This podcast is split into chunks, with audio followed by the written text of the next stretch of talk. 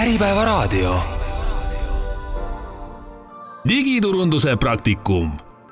saate toob teieni kolmeteistaastase CRM kogemusega Salesforce partner Eestis GBC tiim tere tulemast kuulama saadet Digiturunduse praktikum. tänases saates räägime GA4 tulekust esimesest juulist ning sellest, mida see turundajate jaoks tähendab. sellesse saatesse oleme kutsunud meediabrändis Digitali performance tiimi juhi Karl Liljenbergi. mina olen saatejuht Priit Kallas Streamgrowst. nii, tere, Karl! tere ka minu poolt!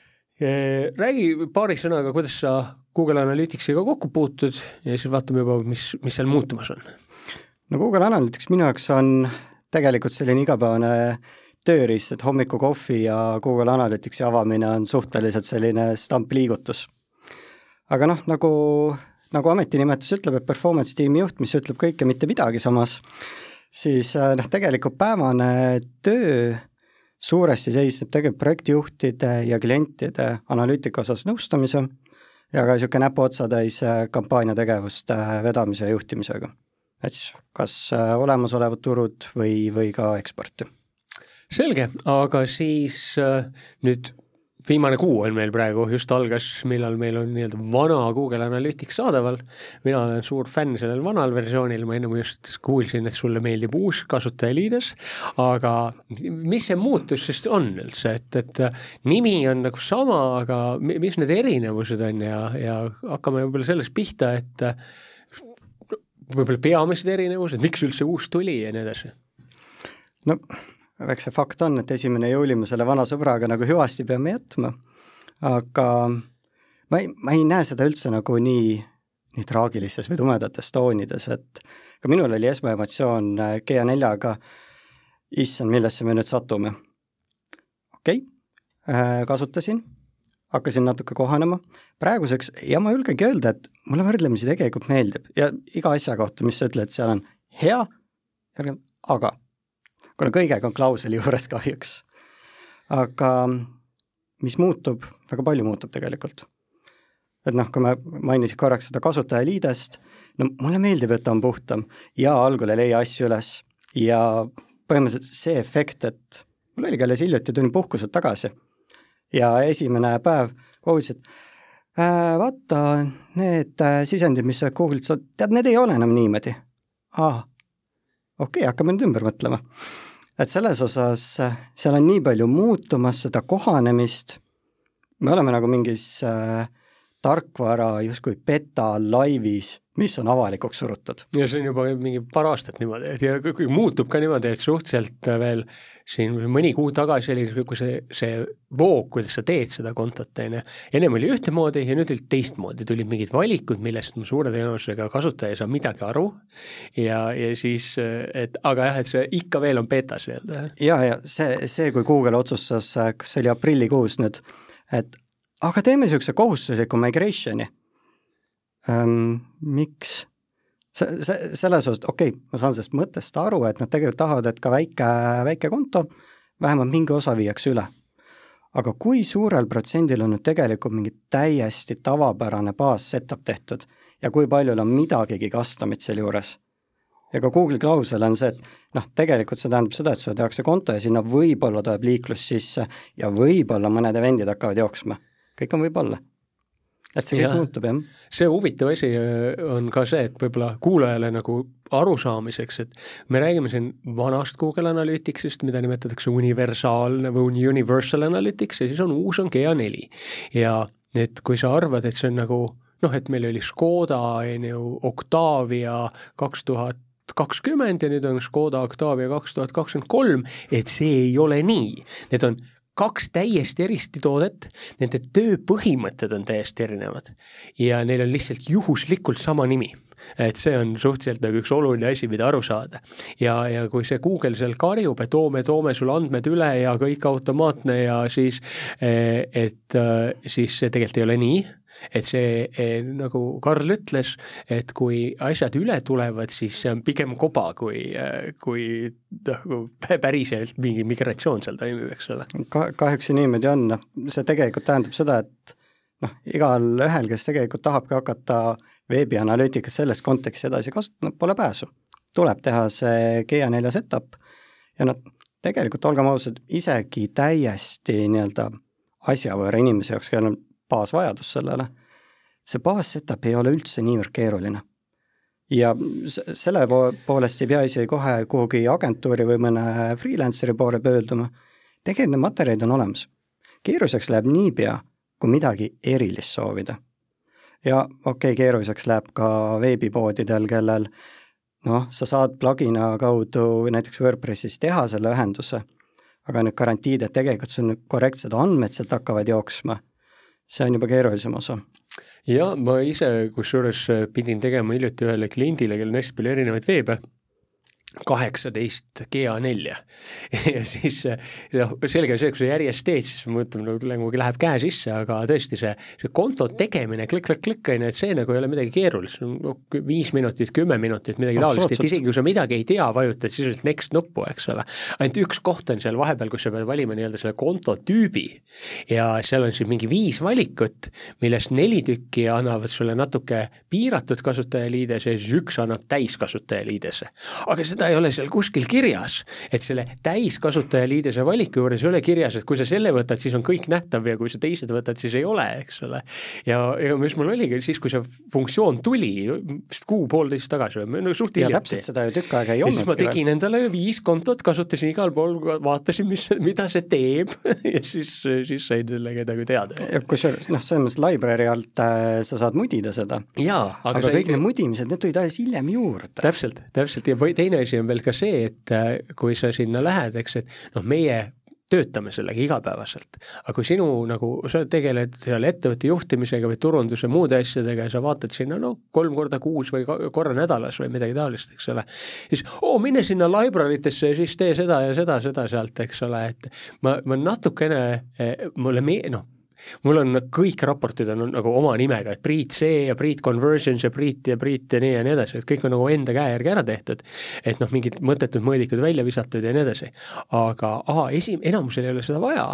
ja kui siis ta valib endale mingi veidra versiooni sealt, on ju, siis ta vaatab, oi, aga mul see ei tööta ja siis ta jõuab kuidagi selleni, et ah, see ongi mingi mõttetus ja ta nagu ei keskendugi enam mhm. analüütikale mm, -hmm. et, et on, see, see võib ära ehmatada inimesi nii, aga no ega midagi ei ole teha, et kui sa Google Analyticsiga tahad jätkata, siis tegelikult ju vist mingit ega ju alternatiivi ei ole, et sa lähed kell nelja peale üle ja siis, siis hakkad sellega toimetama.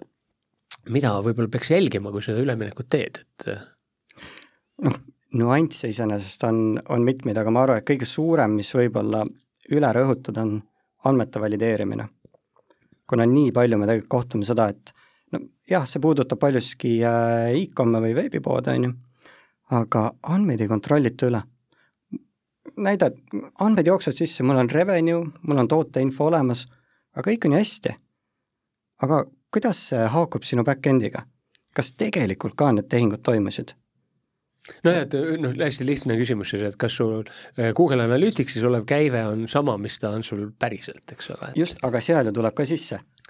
aga noh re, revenue puhul me kas kõik on mõõdetud ja nii edasi, eks ole ja kui me näiteks äh, vaatame noh, lead-gen'i või, või mingeid vahekonversioone, siis tegelikult sul ei ole nii, nii nagu tugevat lähtepunkti, et okei okay,, lead-gen'i puhul sa tead, palju sul tuli liide sisse. aga kõik see vahepealne, kui nüüd GA4 hakkab modelleerima, et kasutaja ei ole sulle konsenti andnud, sa oled kehku peal aga siis äh, e-poe puhul noh, vaata mingid andmed lähevad ju enam, isegi puhtalt selle pealt kaduma, et mõni inimene kasutab mingit hullu adblockerit, mis üldse GA-d ei lae ja nii edasi, eks. et eh, kui sa vaatad, palju see viga võiks olla, ütleme, et kui müük on, ütleme, päriselt on sada, siis eh, mis võiks olla enam-vähem mõistlik range, et sa näed Google Analyticsis?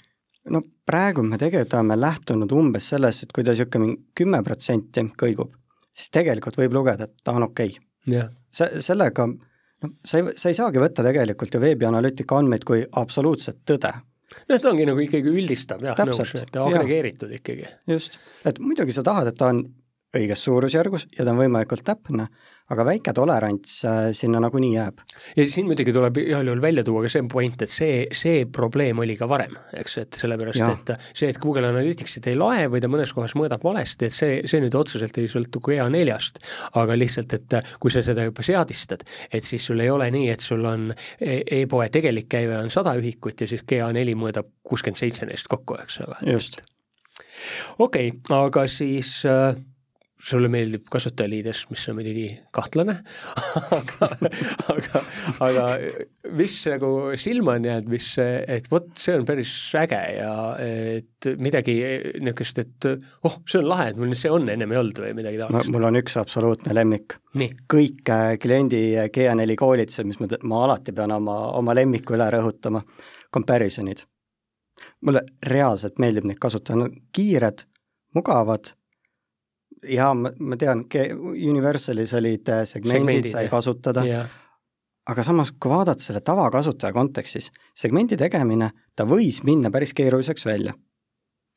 ja kui sul on nüüd kõrval comparison, visata kümne-viieteist sekundiga kokku, vaadata kõik andmed mingi kampaania lõikes näiteks läbi, see, see on väga mugav, okei okay,, siin tuleb jälle see aga mängu, et aga me salvestada neid ei saa jah, see on küll kahtlane kusjuures, kui sa niimoodi ütled, siis ma mõtlen jah, et see üks tähtis asi ka kuulajal on see, et kui sa vaatad Google Analyticsi andmeid, siis sa näed seal noh, ühte sinist joont enamasti, eks ole, ja see sinine joon sisast-, sisaldab meil arvuteid ja mobiile ja tahvleid ja eestlasi ja lätlasi ja, ja ungarlasi ja nii edasi. et need kõik käituvad eraldi, eks ole mm. -hmm. et siis sa peaksid vaatama see, mida Karl mainis, ehk siis võrdlus, et sa saad öelda, et vaatame noh, näiteks Eesti puhul, et kuidas käitub eestikeelse brauseriga kasutaja versus venekeelse brauseriga kasutaja või, või kuidas kasut-, käitub mobiilikasutaja versus arvutikasutaja, eks ole mm. -hmm. et see on üks asi, mida, kui sa varem tähele ei ole pannud, seal GA4-s on selline kuidas ma ütlen, üleval vasakus nurgas umbes on niisugune koht nagu Just. Äh, va-, valid äh, comparison ja seal sa saad öelda, et ma tahan nüüd võrrelda ühte teisega, eks mm -hmm. ole aga noh, kui sa ütlesid, et sulle meeldis see hirmsasti, siis ma, ma hakkasin mõtlema, et hmm, noh, segmente olen eluaeg kasutanud, või noh, eluaeg või nii kaua, kui neid on saanud kasutada -hmm. kasutanud, aga et ma pean võib-olla rohkem sisse vaatama sinna, et äkki, aga see salvestamise küsimus on jälle natuke see, see on tobe ja see, selles mõttes alguses oli isegi roadmap'il, see pidi neljas kvartal kaks tuhat kakskümmend kaks valmima ja see oli see aeg, kui ta roadmap'ilt kadus. ahah, okei okay.. ja hetkel teda roadmap'il viimati ei paistnud. Et ja. noh, kindlasti ma olen päris kindel selles, et äh, paljud kasutajad ka on Google'ilt küsinud selle kohta ja nagu me tegelikult update'ist näeme, noh, nad tõesti pingutavad. ei saa öelda, et Google oleks siin nüüd tahtlikult pooliku toote välja andnud? ma noh, kiirustades jaa, kindlasti.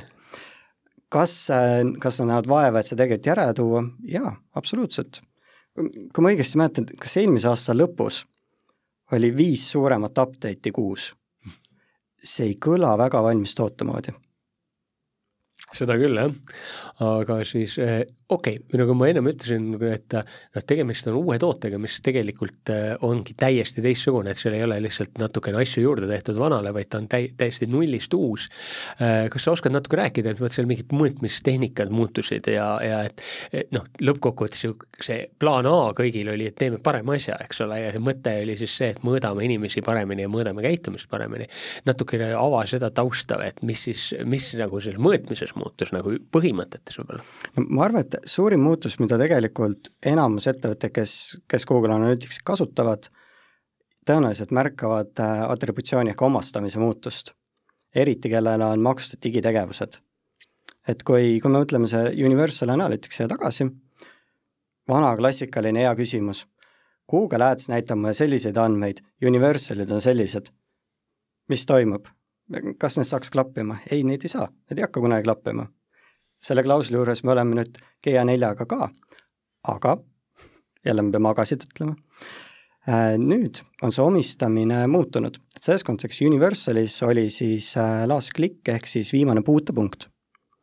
kui nüüd äh, ausalt ja täpselt see omistamine toimus, noh, see on siiamaani natukene must kass para-, paratamatult.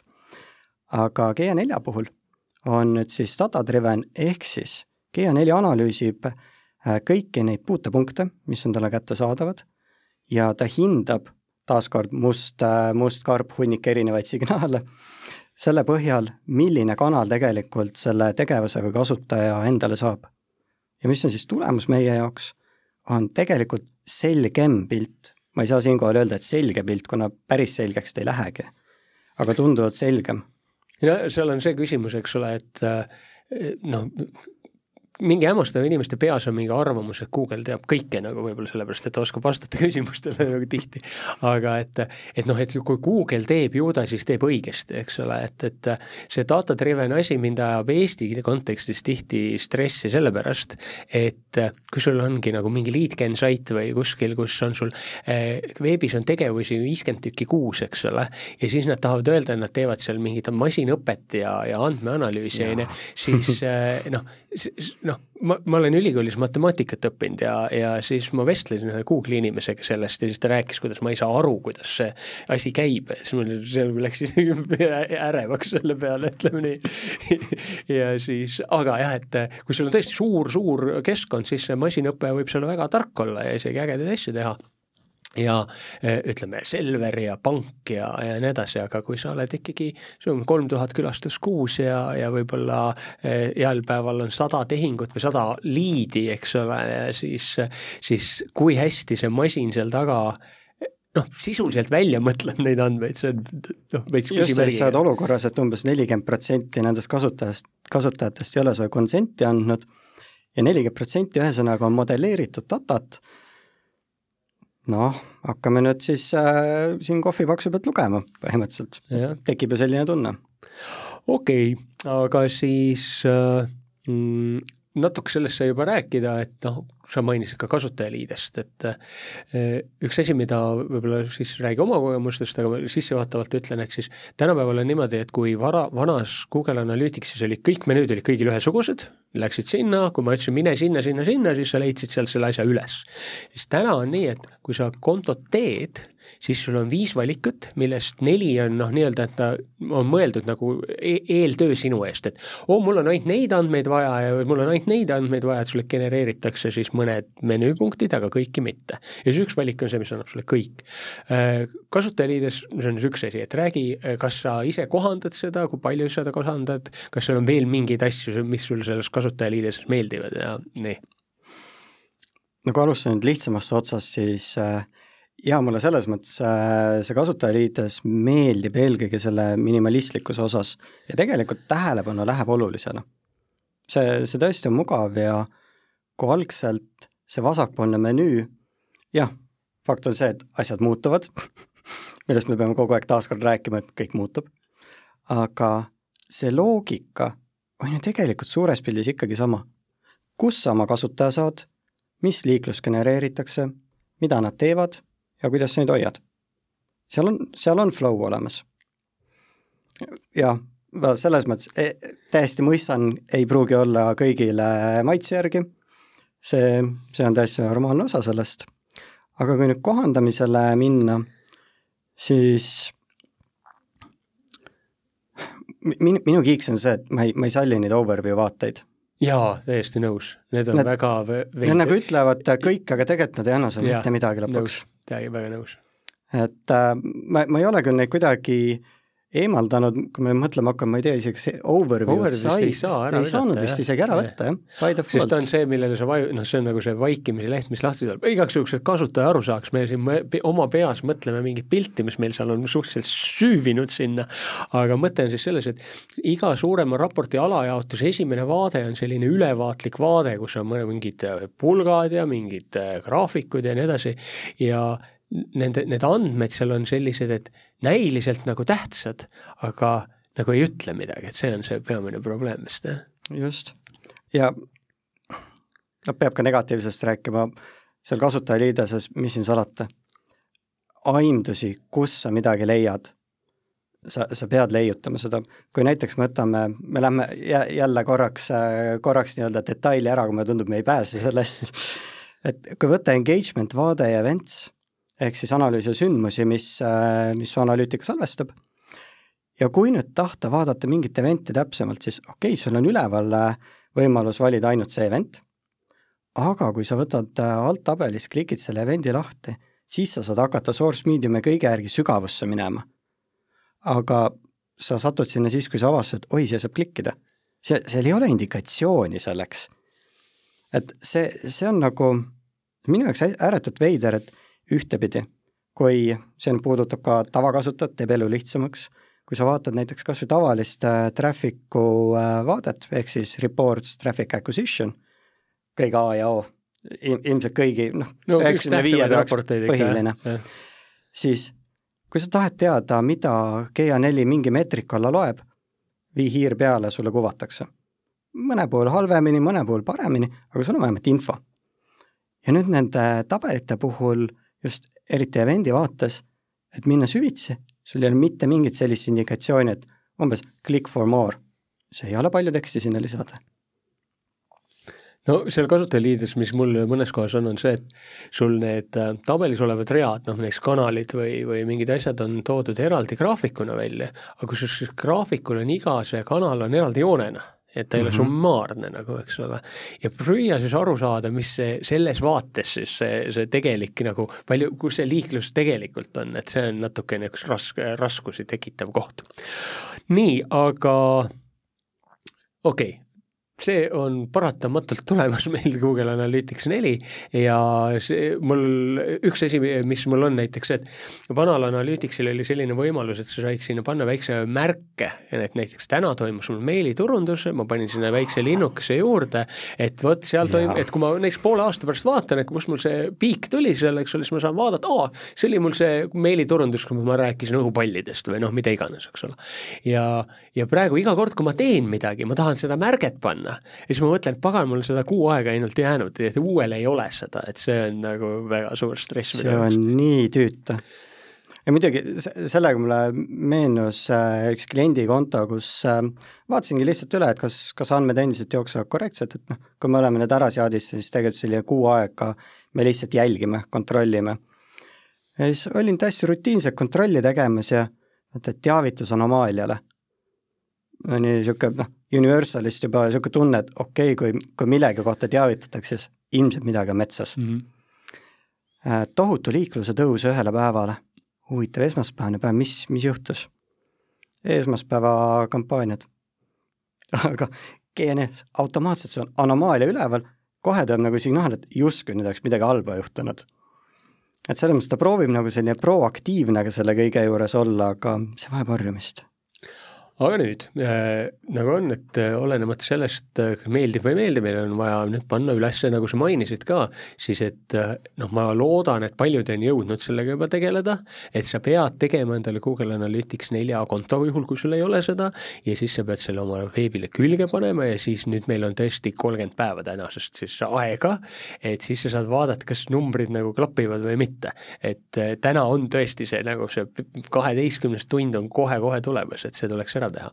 aga kui me seda seadistame, üks asi on see, et me teeme selle konto välja, valmis, paneme koodi külge, aga kui meie üks sina või mina, me näeksime sellist kontot, siis me kertsutaksime nina, eks ole, et, et mis seal, mis seal mõõtma peaks, et kui, mis asjad üldse tuleks üle käia, et noh, üks asi on see, et sa oled nagu rahasait või nagu ütleme e-com ehk e-pood, mingi bronnisait, kus raha liigub veebis ja teine on siis inglise keeles lead gen või siis ehk siis veebileht, kus esitatakse päringuid, eks ole. et äh, võtame nüüd läbi, vaatame, mida, mida mõõtma peaks, et alustame noh, sellest tavalisest veebilehest, noh, mida on tõenäoliselt kõige rohkem inimesi inimestel, eks mm. -hmm. nii, konto tegin ära, oletame, tiksub, mingid numbrid jooksevad, mis veel vaja teha on? no ma isegi hüppaks pool sammu no, vai, tagasi, et äh, just see implementatsioon, et okei okay,, kui sa tegid selle konto endale ära, noh, tõenäoliselt sa panid ka külge koodiopid äh, header'isse ja padi algusesse, aga see on koht, kus tegelikult võiks kaaluda seda, et kui sa olid võimeline koodis seda tegema, või noh, võib-olla tegi arendaja sul in-house äh, väljapool maja, kes iganes, siis minu A ja O soovitus on see, et aga pange sinna Google Tag Manageri konteiner, palun, ja pange see kood sealtkaudu ülesse äh,. Mi-, miks ma seda siinkohal lihtsalt tahan rõhutada, on see, et äh, ka nende seadistustega, mis me oleme klientidele teinud, me, me oleme neid teinud praeguseks sadades ja lihtsalt see hulk mis jääb toppama selle taha, et arendajad on väga nõutud ja tihtipeale ostetakse seda sisse ja see on suur aja ja noh, paraku kogu ressursi kulu lihtsalt. ja mida siis Google Tag Manager võimaldab, on see, et kõik nii-öelda ütleme, digiturunduslikud mõõtmised siis saab tegelikult teha ilma arendaja sekkumiseta. see on kohe kokkuhoid ja kui, kui nagunii olla juba seadistamas ja ei ole seda tehtud, see oleks hea koht see samm ära teha. Aga sealt järgmine, oletame niisugune ilus stsenaarium, seesama lihtne leht, oletame, neil ongi juba tag manager olemas, siis see on suurepärane võimalus kevadkoristuseks. kuna meeldib meile või ei meeldi, sinna koguneb mingeid vanu track imisi, mis hullemal juhul keegi ei tea enam, kas, kas keegi majas kasutab, miks see üldse tehti, kas see tegelikult üldse enam track ibki, siis see on see koht, kus tegelikult me tihtipeale lähme, et noh, Google Tag Managerist saab teha konteinereid, mis on lihtsalt ütleme, ühe lehe, ühe lehe andmete, ühe lehe mõõtmise vidinate kast. täpselt, suurepärane et põhimõtteliselt see on see koht, kus me tavaliselt oleme läinud seda teed, et teeme nüüd uue kasti ja tõstame sinna nüüd need mänguasjad, mida me tegelikult kasutame. ehk siis see selles mõttes on väga hea niisugune puhastuse ja selguse moment justkui võiksin paralleele tuua, et äh, ennem läheb mitu korda halvemaks ja alles siis läheb heaks, on ju. kusjuures ma selle, selle selguse koha pealt tahaks öelda, et väiksed, suured firmad, mida iganes, kellega ma olen kokku puutunud, ma üliharva ma olen näinud seda, et keegi on dokumenteerinud asju, mis on Google Analyticsis tehtud. ja siis sa küsid kellegi käest, et kuule, aga sul on siin üks goal, et te mõõdate siin nagu midagi, eh, mingid numbrid on ka, aga mida see teeb mm? -hmm tühjus, mitte keegi ei tea mitte midagi. täpselt ja selles mõttes, kui, kui see GA4 teha ja inimene võib siinkohal mõelda, et aga võib-olla ma olen asja, mida ma tean sellest dokumenteerimisest, äkki see on standardid. lihtsalt pane kirja. lihtsalt pane, tee, tee kas või notes'i või dok'i, lihtsalt pane kirja, miks sa selle tegid, kus sa seda kasutad. see, see on nii väärtuslik info tegelikult edaspidiseks. ja see tegelikult ei võta aega nii, sellest tag manager'ist võime natuke võib-olla pärast veel rääkida ja, ja. ma ilmselt olen väga nõus sellega, et ilma tag manager'it, ütleme, kui Google Analytics veel eelmise versiooni puhul oli nagu sai hakkama enam-vähem, siis äh, täna ikkagi kõiki asju teha, nii et sul Google Analytics teeb seda mõõtmise tööd, aga nende andmetega juba peenemat tööd teha juba tag manager'i tasemel, see vist on no ikka noh, ikka õige lähenemine, ütleme nii, et, et aga nii panime tag manager'i külge, mm, mida me siis tavalise lehe peal mõõtma peaksime? no esimene asi, vaatame, kas meil hakkas liiklus sisse jooksma no,. okei okay,, nõus aga, ja, ja valideerime ära jah, seda muidugi. aga tavalise lehe puhul, noh, tegelikult siin esimene asi tuleks otsa vaadata, et kas on tegu one-pager'iga. kuna noh, me, me teame, mis veebis vastuvaatamine one-pager'id on väga palju, kasutaja tulebki lehele jaa, meil on kümne sekundi taimer, et ta registreeritakse, et noh, ta tegelikult tegi ka midagi selle lehega, mitte ei, ei istunud seal tervet igavikku ja ei loetud ära lahkunud kasutajaks. aga selles osas tasuks kriitiliselt üle vaadata, et kui kasutaja tulebki lehele, kas seal punkt A, on see kümme sekundit seal midagi teha ja punkt B, kas tegelikult tal on vaja kohe seal ka mingit klikki teha või millegagi mingi interaktsioon sooritada et see oleks nagu esimene mõttekoht, lihtsalt kindlustamaks, et sa tegelikult kaasad õige pildi oma analüütikasse. mitte selle pildi, mis on lihtsalt kübekene sellest, mis, mis tegelikult alles nagu jäi. et see oleks esimene selline kriitiline mõttekoht. ennem me jäime pooleli selle koha peale, et kui meil konto on valmis ja veendunud, et töötab, on külge pandud, mis need järgmised sammud on, mis on tähtsad, et ära teha, et, et siis päris kasu ka sellest saada jah, niisugusest kevadkoristusest me juba siin eelmises osas rääkisime ja kui me nüüd oleme tagasi selle oma lihtsa äh, veebilehe juures, siis äh, mida hakata trackima äh,? minu hinnangul tegelikult niisugune A ja O oleks tegelikult ära track ida nii telefoni kui ka meiliklikid. lisaks, kui sul on tegelikult lehel mitmeid lehti, siis tuvasta ära, kas tegelikult sul on näiteks mingi tooteleheni jõudmine mille sa peaksid äh, eraldi endale analüütikasse saatma. kuna see tagamata tegelikult ju, miks me tahame neid erinevaid asju mõõta? üks siis, me tahame teada, kuidas meie veebileht toimib, me tahame üles leida, kas meil on äkki probleemikohti, mingeid pudelikaelu. aga see tagamõte seal ju taga on see, et no suure tõenäosusega me tahame ka oma maksnud digitegevusi optimeerida nendele tegevustele. ehk siis selles kontekstis me tahame anda justkui kanali algoritmile sisendi, et näiteks see, see kasutaja, kes seda tegevust meie lehel teeks, palun too meile liiklus eelkõige selliselt. ehk siis selles kontekstis tuleks oma veebileht kriitiliselt läbi mõelda ja siin võibki mõelda, et aga mul ongi lihtne, ma ei tea, kaheleheküljeline leht, et noh, mis ma seal ikka track in. tegelikult, kui sa sellise loogika selle läbi mõtled, sa võid leida sealt olulist. ja miks ma tõin selle meili ja telefonikliki välja, see, see tegelikult on selline esmane mingigi kvaliteedi indikaator. et kui sul on kas Facebooki tegevused või Google Adsi tegevused, sellega sa saad sellise esmase filtri läbi lükata, et mitte tuua endale nii-öelda mitte üldse halvemas mõttes, aga noh, rämpsliiklust, liiklust, kelle taotluslikkus on hoopis kuskil mujal noh, et mõte on ikkagi selles, et külastaja on tore, aga, aga raha toob ikkagi see, kes meiega ühendust võtab, eks ole. ja, ja kui meil on sada külastajat ja nendest ütleme, kümme võib-olla teevad kliki meilil või, või kopivad selle telefoninumbri sealt, siis need on need, kellel on lootus, et nad liiguvad meie mingis müügitsüklis juba edasi, eks ole. just kas ja kui keeruline see seadistamine on ja kuidas seda teha võiks? ma ei mõtle nüüd päris detailselt, aga nii ülevaatlikult, et äh, mis, mis samme seal on vaja teha ja kuidas see mõõtmine võiks käia? noh, tegelikult see mõ-, mõõdis, see ei ole väga keeruline.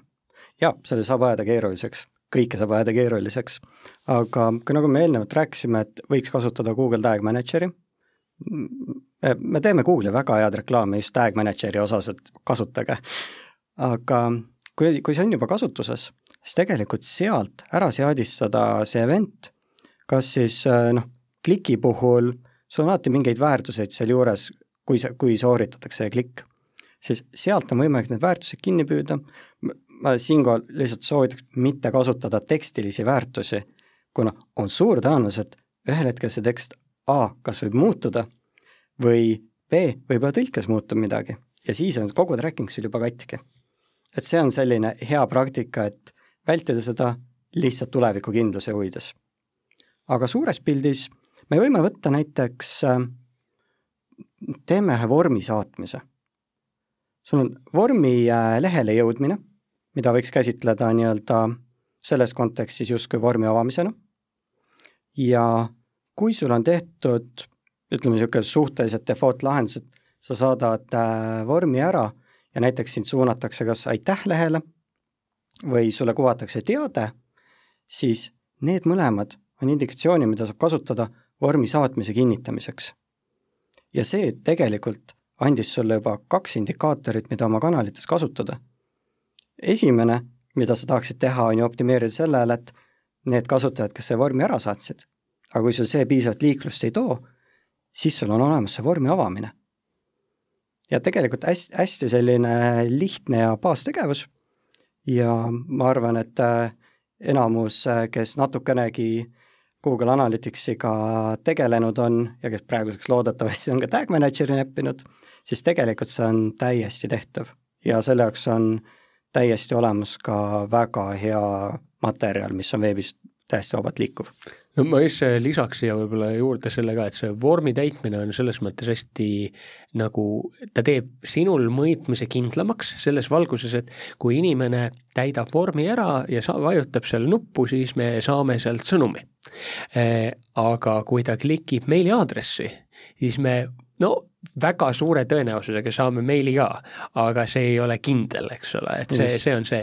ja tänapäeval võib-olla eriti kui mobiili kasutamist mõelda, siis kohati võib olla see vormi täitmine lihtsam, kui sealt vajutada meili ja siis selle meiliga või mõnikord võib-olla sul isegi meili vajutamine ei ava seda rakendust ja kopima mm -hmm. peab ja nii edasi, et selles mõttes vormi kasutamine, minu, mina väga soovitan vormi kasutada, et seda on mõõtmise mõttes hästi tä-, noh, täpsem kui need muud meetodid ja teisest küljest ka see, et sa võid ju teha nii, et sa ei võta neilt teisi võimalusi ära, aga lihtsalt, et vorm on nagu eespool ja meiliaadress on tagapool, et siis kui ta tahab, siis ta saab selle meiliaadressi kätte, aga kui tal vormis piisab, saab selle ära täita, eks. just, ja kusjuures sellega, et me seadistasime endale selle vormi omamise ja saatmise, me tegelikult andsime endale lisaks ka andmete valideerimispunkti. kui see vorm on saadetud, no päris kindlasti me saime tegelikult äh, selle vormi saatmisega kätte. kuidas need andmed klapivad äh, GA4-s ja kas siis meie mailbox'is või back-end'is. ja see on taaskord üks punkt, millega sa kinnitad, okei okay,, mul on tegelikult andmetega korras noh, mis asjad võib-olla veel mõõta või mis tegelikult on ka vormi track imine, näiteks äh, paljudel ettevõtetel võib-olla tähtis see, et sul inimesed liituvad näiteks uudiskirjaga, et noh, uudiskiri on lihtsalt hästi lihtne vorm, kus on võib-olla üks või kaks välja, eks ole, inimene täidab ära. Ja siis äh, noh, mõnedel võib olla mingi väga keeruline päringuvorm ja mõnedel üks või teine, mingid bronni vormid ja nii edasi, aga lõppkokkuvõttes taandub see lihtsalt selleni, et inimesed täidavad mingit välja, vajutavad nuppe ja siis jõuavad lehele, kus neile öeldakse aitäh või, või kuvatakse talle see teade v. võib-olla siinkohal tegelikult oleks hea, hea välja tuua ka seda, et äh, kui äh, teie lehele seatakse üles vormi, siis äh, palun mitte teha seda iframe'iga. kuna taas võib-olla lähme grammikene tehnilisemaks, aga kui me vaatame, vahet pole, kas Universali või GA4 vaates, siis kõik, mida me veebilehel tahame track ida, noh, see peab olema meie lehel. täpselt ja iframe kuvab ju tegelikult teise veebilehe meie lehe sisse ja andmete mõttes on see must auk. kusjuures mul endal on üks veeb, kus mul on lihtsalt mugavuse pärast tehtud sellisel moel ja, ja aga noh, ma suunan ta sealt sellelt lehelt ühesõnaga pärast tehingut tagasi oma veebi täname lehele et sealt ma saan ta ikkagi no, andmed siis, kätte. siis saab ikkagi ära mõõdistada. aga, aga ikka jah, lihtsalt, lihtsalt mugavuse pärast sai nii tehtud. Neid, neid, neid paratamatult tekib aeg-ajalt, et mingites kohtades sul ongi mõistlik seda teha lihtsalt. ja noh, mõnikord võib-olla ka mingi platvorm, kes sul, neil on kivisse raiutud mingi metoodika ja siis pead nii tegema, eks ole, et. just, üks äh, teada-tuntud äh, äh PDF blankettide sirvija. jah, aga siis äh, need on nüüd noh, ütleme suurem osa veebe on tegelikult ju sellised, et neil ongi noh, keegi ei ole e, ühesõnaga maksmine ei toimu veebis. aga siis meil on need asjad, mida me noh, ingliskeelne sõna on e-kommerts, aga kõik asjad siis eh,, need ei pea olema otseselt e-poed, aga võib-olla kinopilet ja kindlustus ja, ja booking.com ja mida iganes, et, et kus nii-öelda rahatehing toimub veebis. ja selle puhul siis saab rohkem mõõta, et mida seal siis peaks vaatama, kuidas see seadistamine käib, et see on see, see on see koht, kus läheb põnevaks juba tegelikult siin äh, noh, GA4 puhul siin on kohe esimene koht, mis äh, arendajatele tegi, tekitab sellist äh, veidi judinat ja võib-olla mõni kuklakarvgi tõuseb püsti, et selleks, et nii Universal kui ka GA4 saaks track ida, on vajalik data layer.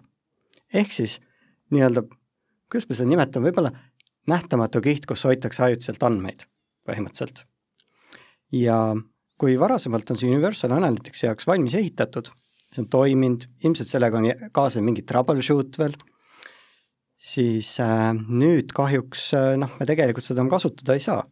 jah, seal on võimalusi, kuidas seda natuke mugandada, kasutada erinevaid äh, template'e vahele, aga see ei ole üks asi väga tulevikukindel ja teiseks, kui seda teha, siis me avame ennast kolmandale osapoolele, kellest me jääme sõltuma ehk siis arendaja veebipoodide või üldse e-commerce'i puhul peab siis uue GA4 data layer'i seadistama, mis tegelikult see, see ei ole mingi kohutav raketiteadus, aga see on lisategevus. aga kui me nüüd mõtleme selle, et okei okay,, meil on see tehtud, aga mis andmeid me nüüd sealt tegelikult tahaksime saata, siis kohe automaatselt niisugune kuldne nelik. me tegelikult tahame teada saada toote vaatamised soovitatav on sealt saata ka kaasa, mis tooteid vaadata. ja kui me räägime nüüd siin eventidest, ehk siis see toote vaatamine, niisugune view, view item siis, on event, mis on sündmus, mis toimub, ja sellega me saame kaasa panna parameetrid ehk andmekillud, mis tegelikult olid seal tootel küljes, mida, mida vaadati. ta ütleb, mis selle toote nimi on, mis ta maksab ja mingid muud, mis vajalikud võivad olla. just. et see, see on ka koht, kus võib-olla üle rõhutada, et siin tuleks lihtsalt kriitiliselt läbi mõelda, mida meil analüüsi mõttes on oluline. kuna jaa, me võiks ju kõik saata, aga miks me tekitame niisugust andmemüra juurde? kuna kogu aeg nende seadistuste osas kuklas võiks olla see mõte, et mõõdistame seda, mida on vaja, aga nii vähe, kui on võimalik. kuna see, see annab meile selguse. ja esimene siis võikski olla noh, lisaks sellele, et see tavaveebi baasosa on olemas oleks siis see view itemiks toote vaatamine, lisaks tuleks kindlasti seadisse toote ostukorvi lisamine, kuna me hakkame liikuma selles ost-, ostuprotsessis aina kuumema Liigu punkti poole, poole ja kuklas on meil endiselt see mõte, et aga meil on ju digitegevused, mida me tahame võib-olla optimeerida. Need on taaskord, iga event on ju filter põhimõtteliselt liiklusele. ja Aetokaardi puhul noh, me tegelikult tahame võrdlemisi samu andmeid, mida view itemi puhul, aga me tahame sinna juurde saata ka kindlasti ka selle, palju neid tooteid oli, mis oli see summeeritud väärtus. ja nüüd tegelikult see väärtuse saatmine on niisugune minu, minu silmis ääretult ülevaadatud koht. me lisasime ostukorvi, okei okay,, väärtus läks kaasa, aa noh, tore kui läks. aga tihtipeale ei kasutata seal ära seda, et kui sul tuleb hüljatud ostukorvid või sul on pudelikael ja sul kukub hästi palju peale ostukorvi lisamist ära, siis äriliselt oleks ju ääretult oluline teada, et mis oli see rahaline väärtus, mis, mis tegelikult seal kaduma läks. Yeah et äh, see, see tihtipeale annab seda konteksti, et okei okay,, meil on siin kadu, me peaksime kaasama arendaja uurima seda, ei, see on, see on ajaline kulu, see on rahaline kulu, aga siis on kohe kõrva panna, jah, aga vaadake, rahaline kaotus oli selline, palun tegeleme. et see, seal kindlasti peaks mõtlema selle, et need andmed, mida kaasad, neid reaalselt ka kasutaks. nii, me oleme jõudnud ostukorvi yeah.. tegelikult ja nüüd siis tuleks arve ära maksta, jah? absoluutselt. Ja siis me saadame ta tõenäoliselt panka või noh, see võib ka mingi kaardimakse olla ja nii edasi, aga lõhi, põhimõtteliselt toimub mingi, äh, mingi kolmanda osapoole tegevus, eks ole, ja siis me jõuame sellele lehele, kus öeldakse, et näed, see, need on need asjad, mis ostsid. aga nii? siin on koht, millele taaskord peab äh, rõhku panema, on see, et me kindlasti saadaksime selle kasutaja ja iga kord tagasi sellele lehele, mis kinnitab, et aitäh, et tellisite. Kuna me oleme pidanud päris palju troubleshoot ima seda, et okei okay,, aga back-end'is on meil summa X ja GA4-s, noh, see tegelikult puudutab ka Universalit, on summa Y. kuidas nii? ja troubleshoot jõuab selleni, et ei, tracking us on kõik korras, aga näiteks äh, maksevahendaja juures tagasi kaupmehe juurde silt on ääretult äh, halvasti aimatav või ei toimu automaatset suunamist. Ja tegelikult kasutaja tegigi tehingu ära, kõik oli hästi, aga ta seal sulges akna. et see on ääretult selline oluline punkt, mis analüütika mõttes tuleb, tuleb üle tšekata ja noh, ideaalis tuleks tegelikult küsida selle noh, siis nii-öelda makseprotsessori käest seda, et tehke jõuga su-, suunamine tagasi, sellepärast et noh, loota, et keegi noh, kõik inimesed nagunii seda back to kaupmees ei vajuta, eks ole, ja siis kui me jõuga suuname, siis on nagu kõige suurem tõenäosus saada maksimum õiged andmed kätte, eks.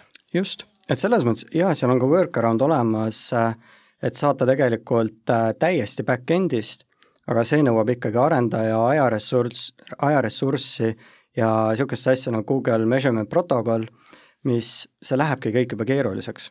see on tulevikukindel, see on hea lahendus, aga see nõuab ressurssi. seega kindlasti esimene samm võiks olla see, et maksevahendaja sunnib suunamisega tagasi lehele nii, aga siis noh, need on nüüd, ongi kõige tähtsamad asjad, mida me tegelikult mõõdame Google Analyticsis, et kui sa neid ära ei seadista, siis sa näed ägedaid graafikuid, aga sul noh, sa näed, et inimesed liiguvad, aga kes raha toob või kes sul raha annab või tule, tehingut annab, seda sa ei näe.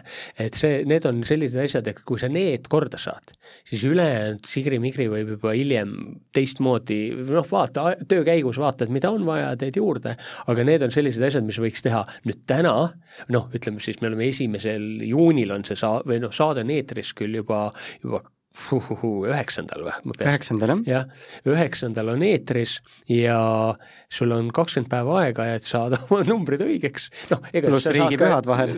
sa saad ka hiljem muidugi seda teha mm, -hmm. aga lihtsalt, et hakka sellega kohe pihta ja need põhiasjad tee ära, et siis sa oled enam-vähem õiges kohas. aga siin on üks klausel äh, kõik, kes avavad oma Universali ja näevad seal noh, me praeguseks meile enamustel juba teada-tuntud teavitust, et kohe on läbi äh, Migrate Now, siis kindlasti ma soovitan selle automaatse migratsiooni välja lülitada, kuna kui sul on üks konto, noh, ei saa öelda konto, ütleme, valdus property siis seal, siis ei ole probleemi selles, et sulle üks sinna juurde tekib, sa saad selle hiljem kinni panna.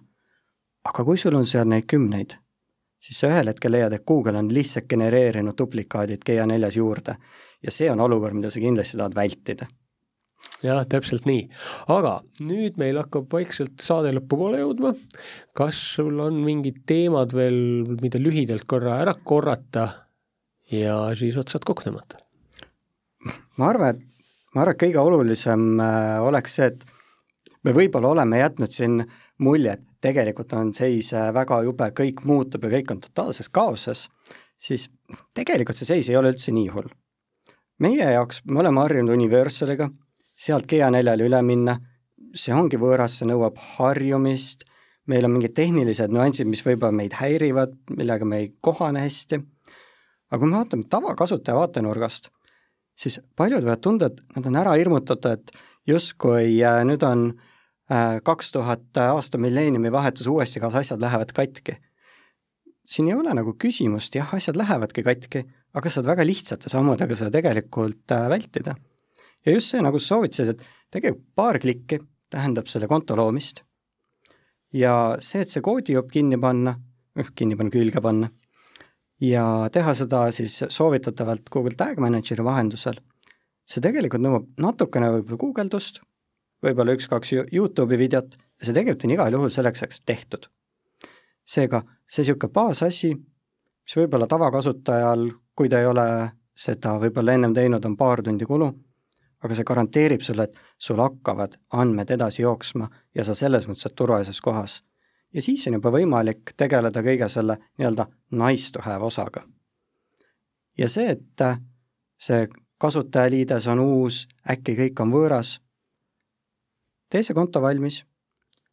Google'il on olemas ka demokontod, mida tegelikult saab tšekata, kus on tammi data sees. surfa lihtsalt ringi ja jumala eest, proovige päriselt, need tegelikult, need tegelikult on ka cool'id okei okay,, aga aitäh, Karl, ja sellega täna lõpetame, aitäh kuulamast saadet Digiturunduse praktikum, kus täna oli külas meediabrändis Digitali performance tiimi juht Karl Liljenberg. saade on järelkuulatav bestmarketing.ee veebis ja Äripäeva raadiokeskkonnas raadio.äripäev.ee. mina olen Priit Kallas ning kuulake meid jälle nelja nädala pärast ja turundusuudiseid lugege bestmarketing.ee-st, kuulmiseni!